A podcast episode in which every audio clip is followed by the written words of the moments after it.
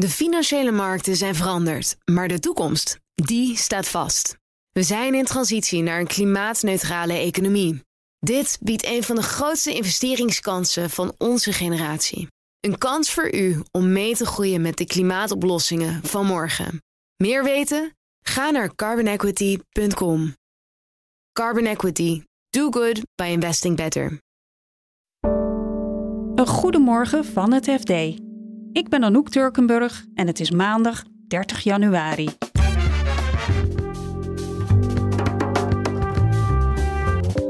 Een diepe recessie lijkt nog wel even uit te blijven. Uh, analisten zijn natuurlijk druk aan het rekenen en die verwachten op een uh, klein, heel klein minnetje. Het, het cirkelt een beetje rond de nul, zou je kunnen zeggen. Europese samenwerking wordt belangrijker in de defensieindustrie. Maar het, echte, het, het stempel Europees leger, ja, dat zie ik niet gebeuren. En biologische supermarkten hebben het moeilijk, nu de boodschappen duurder worden. Als mensen de producten niet kopen, dan kun je wel meer biologisch produceren, maar dan blijft het alsnog liggen. Dit is de dagkoers van het FD. Hoge energieprijzen, flinke inflatie. Vorig jaar werd er nog gevreesd voor een recessie. Maar inmiddels lijkt de ergste vrees alweer voorbij. Redacteur Marijn Jongsma vertelt hoe de economie in Europa ervoor staat. Nou, dat horen we eigenlijk pas uh, dinsdag. Want dan komt uh, Eurostat met de eerste schatting van de economische groei in het vierde kwartaal van vorig jaar. Uh, maar goed, analisten zijn natuurlijk druk aan het rekenen en die verwachten op een ja, klein, heel klein minnetje. Het, het cirkelt een beetje rond de nul, zou je kunnen zeggen. Dus stagnatie ten opzichte van het kwartaal ervoor. Dus niet zo erg als we, als we vreesden? Nee. Hoe komt dat? Nou, er spelen allerlei zaken een rol. De overheid heeft natuurlijk heel veel geld in de economie gegooid. Dat uh, helpt altijd. Uh, maar analisten zeggen ook van ja, wij zijn geen weerdeskundigen. Uh, we hebben een beetje mazzel gehad dat het meevalt. He, dus, dus de... Meevalt met het weer. Ja, dus het, waren eigenlijk, het was de maanden december en, en november waren vrij zacht. Uh, als je het vergelijkt met andere winters. En de analisten zijn natuurlijk gaan rekenen met gemiddelde winters. Waarin er meer gasverbruik is bij lagere temperaturen. Als het dan meevalt, ja, dat betekent dat er minder energie wordt verbruikt. En dus dat die prijs uh, relatief laag is. Vergeleken bij de pieken die we hebben gezien. Waren de, de meevallende gasprijzen het enige positieve nieuws of was er meer? Nee, er is ook wel een, een meevaller in die zin dat uh, er waren allerlei hele zware uh, scenario's rond industrie. Er werd gedacht van ja, als een bepaalde energie-intensieve industrie het heel moeilijk heeft, dan gaat het zich als een soort olievlek bewegen door de hele industrie. Hè? Dus stel je voor, de metaal, uh, metaalfabriek valt om. Dan kan een autofabriek geen auto's meer maken, et cetera. Dus dan krijg je een soort kettingreactie uh, door de hele Europese industrie. Nou, dat is niet gebleken. Eigenlijk zijn industrieën heel goed in staat geweest om ofwel alternatieven te vinden voor die dure energie, ofwel gewoon in te kopen elders en op die manier toch door te draaien. Dus de flexibiliteit, uh, de vindingrijkheid, zo je wil, uh, van de industrie is ook wel onderschat. En dan waren er meevallers in de toeleveringsketens. Ja, die meevallers hebben, uh, die zijn er zeker. Kijk bijvoorbeeld naar China, die lockdowns zijn nu opgeheven.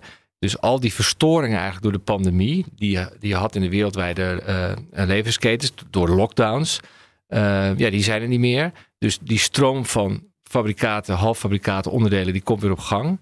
Um, en er was natuurlijk een inhaalvraag. Uh, om het maar een heel simpel voorbeeld te geven. Mensen die een, auto, een nieuwe auto hadden besteld, die kregen hem gewoon niet, omdat er allerlei onderdelen niet waren. Mm -hmm. Nou, uh, die onderdelen zijn er nu alsnog. En die vraag die wordt, uh, wordt nu alsnog ingelost. Dus de auto-industrie is een voorbeeld van een bedrijfstak die, die eigenlijk op volle toeren draait. Omdat er nu eindelijk geproduceerd kan worden wat ze willen produceren. Oké. Okay. En betekent het ook dat we nu definitief dan uit de gevarenzone zijn? Nou, dat niet. Uh, het lijkt een beetje op het verhaal rond de Amerikaanse economie. De cijfers vallen dan misschien wel een beetje mee. Maar als je wat verder in, het, uh, in de toekomst kijkt, in, in 2023, dan valt het eigenlijk helemaal niet zo mee. Er zijn allerlei onderstromen in de economie die toch wijzen op een vrij langdurige, zij het niet altijd diepe, maar toch een langdurige uh, recessie. en dan moet je bijvoorbeeld denken aan de rentestijging. De centrale banken hebben de rente fors opgeschroefd om de inflatie te bestrijden. Uh, nou, dat, je zou zeggen, die rente die is al gestegen, dus wat is het probleem? Uh, alleen dat werkt pas met vertraging door in de economie. Um, bedrijven merken dat nu bedrijven al. Bedrijven merken dat nu al. En um, En het gaat waarschijnlijk ook via de huizenmarkt terugslaan op de consumptie. Die kans is ook wel heel reëel. Oké. Voorzichtig goed nieuws dus, maar we halen nog niet volledig opgelucht adem. Nee, een reden tot juichstemming uh, is er niet.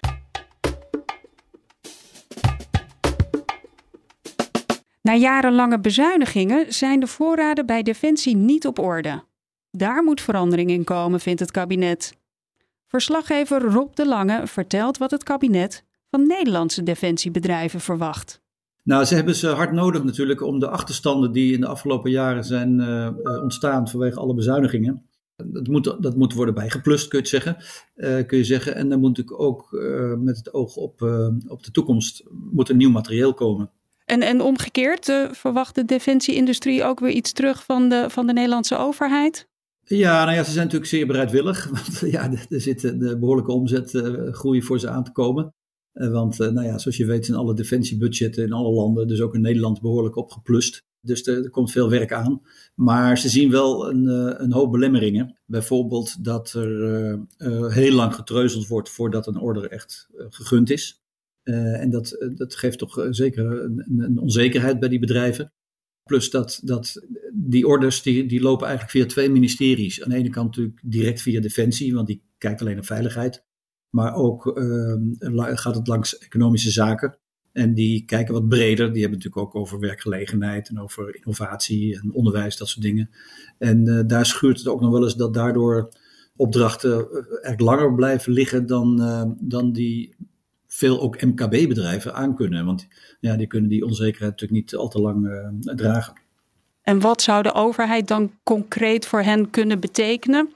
Nou, het gaat om een aantal dingen. Maar Bijvoorbeeld ook de financiering, die is nog uh, vaak ook lastig. Uh, kijk, de, de defensieindustrie is sowieso de afgelopen jaren een beetje in het verdomhoekje geraakt. Hè? En, en wordt al vaak bij investeerders en ook banken, uh, staat hij op hetzelfde lijstje als, als fossiele industrie bijvoorbeeld. Een, een omstreden branche eigenlijk, ja. ja. Dus ze, hebben, ze hebben moeite om investeringen, investeerders te vinden. Sommige bedrijven die hebben ons ook verteld dat ze bijvoorbeeld nog steeds geen, geen Nederlandse banken kunnen vinden omdat banken dat niet meer willen. Of dat ze geen, uh, geen leningcapaciteit hebben bij hun, uh, bij hun bank. Dus het is wel, uh, die financiering is wel lastig. En daar kan Defensie natuurlijk ook wel een handje bij helpen. dus dat is een van de dingen die ze heel graag willen. En ja, wat ik net zei, vooral ook meer zekerheid voor de langere termijn. Dus als je, je kunt natuurlijk niet tien voertuigen, lege voertuigen bestellen en dan zeggen, ja, we zien later wel weer wat we doen. Ja. Dus we eigenlijk natuurlijk op de lange termijn moeten zeggen, nou we nemen er we, we, nemen een optie op 90 meer of zo. Zodat die voor die, met name die bedrijven in Nederland, dat die wat meer zekerheid hebben voor de langere termijn. Op zich ziet het er, ziet het er dan goed voor hen uit als er, als er meer vraag komt vanuit de, vanuit de overheid. Maar uiteindelijk zullen we toch niet al het defensiematerieel in Nederland kunnen gaan produceren, neem ik aan. Nee, dat zijn ook de deskundigen die wij gesproken hebben, die zijn er heel duidelijk over. Hoor. We gaan natuurlijk geen. Uh, eh, geen, geen eigen munitie meer maken, bijvoorbeeld zoals we vroeger hadden. We hadden vroeger een aantal munitiebedrijven in Nederland. Uh, dat gaan we niet doen. We gaan ook geen tanks meer maken, ook geen, geen eigen vliegtuigen meer maken. Uh, we hebben al moeite genoeg om een onderzeeboot te fabriceren. Dus dat gaan we niet, niet meer doen. Maar wat wij zo begrijpen is dat met name zeg maar, in de hoogwaardige toeleverantie van, van, van, van wapenonderdelen en, en andere materieel, materiaal dat we daar wel internationaal veel kunnen betekenen. Met, uh, in samenwerking met andere Europese bedrijven. En, en welke bedrijven moet ik dan aan denken? Nou, kijk, we hebben natuurlijk Thales. Hè, dat is de, Thales Nederland. Dat is de grootste de, uh, defensieindustrie die we hebben. Die maken met name uh, radar, radars en, en, en uh, communicatiesatellieten. maar je hebt, ook, je hebt ook bedrijven die een beetje van beide doen. Hè. Bijvoorbeeld VDL, waar wij veel over schrijven. Het FD, die hebben ook een aparte defensietak. En je hebt ook het beroemde voorbeeld natuurlijk van Tenkate. Die aan de ene kant uh, maken ze kunstgras. Maar goed, die maken ook uh, kogelwerende vesten en uh, uniforms. Dus je hebt ook, en voor die bedrijven is het natuurlijk wel belangrijk om te weten wat ze voor de komende jaren kunnen verwachten. Hè? Om, hun, ja, om hun productielijnen daarop in te stellen. Um, en als er, als er zoveel Europees gedaan moet, uh, moet worden, is het dan ook niet heel logisch om een Europees leger te gaan beginnen? Ja, dat vind ik heel interessant alle politieke discussies gaan eigenlijk over de vraag: moeten we een Europees leger hebben of niet? En um, het antwoord daar is volgens mij glashard nee, dat is politiek onhaalbaar. Maar tegelijkertijd, als je nu, zoals, uh, zoals wij nu gedaan hebben, je er wat meer in verdiept, dan zie je dat, ja, zeg maar even in de onderstroom, dat er al zoveel wordt samengewerkt. Met name dan hè, bij, bij het met maken en het ontwikkelen van, uh, van nieuwe uh, wapensystemen. Dat je eigenlijk al toch, toch een hele interessante, ja, nieuw, hoe moet je dat zeggen, een, militair complex ziet ontstaan in Europa. En daar speelt Nederland ook wel een belangrijke rol. Hè. We doen heel veel samen met Duitsland, maar ook met België, ook met Noorwegen en Tsjechië. Bijvoorbeeld uh, uh, op vliegveld Eindhoven staan tankvliegtuigen. Ja, die zijn eigendom van Nederland, België, Luxemburg, Duitsland, Noorwegen en Tsjechië. Dus de spullen wel, maar de mensen nog niet? En nee, daar zijn natuurlijk ook wel gezamenlijke oefeningen. Hè?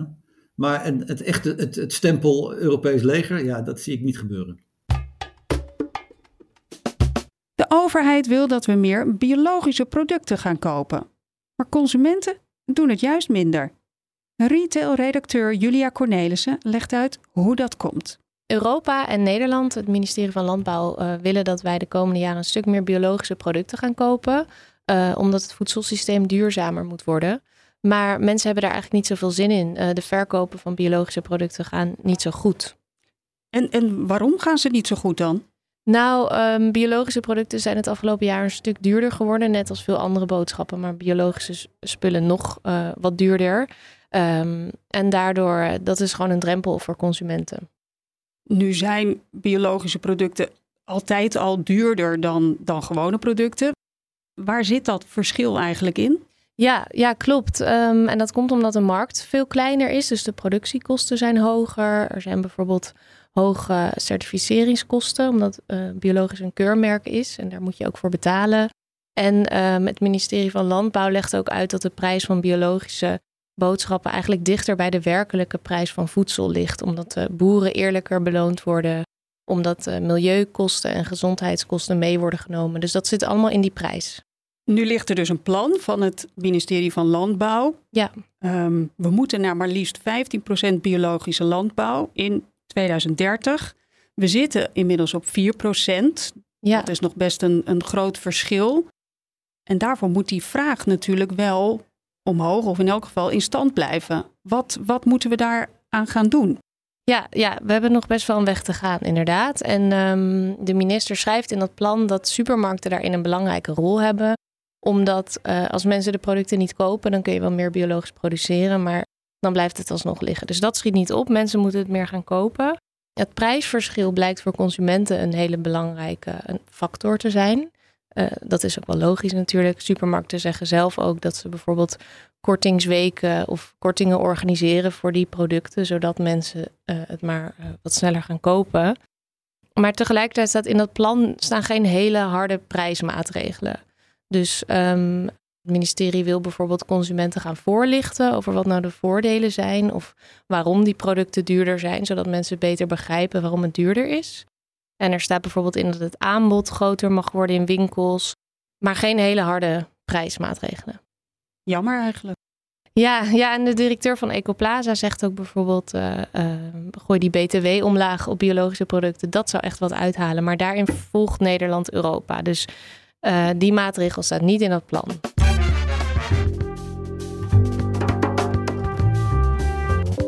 Dit was de dagkoers van het FD. Morgenochtend zijn we er weer met een nieuwe aflevering. Als je je abonneert, dan krijg je die automatisch binnen. En al het laatste financieel-economische nieuws vind je in onze app. Een fijne dag en tot morgen.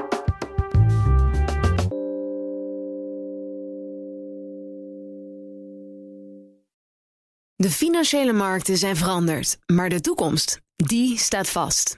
We zijn in transitie naar een klimaatneutrale economie. Dit biedt een van de grootste investeringskansen van onze generatie. Een kans voor u om mee te groeien met de klimaatoplossingen van morgen. Meer weten? Ga naar carbonequity.com. Carbon Equity. Do good by investing better.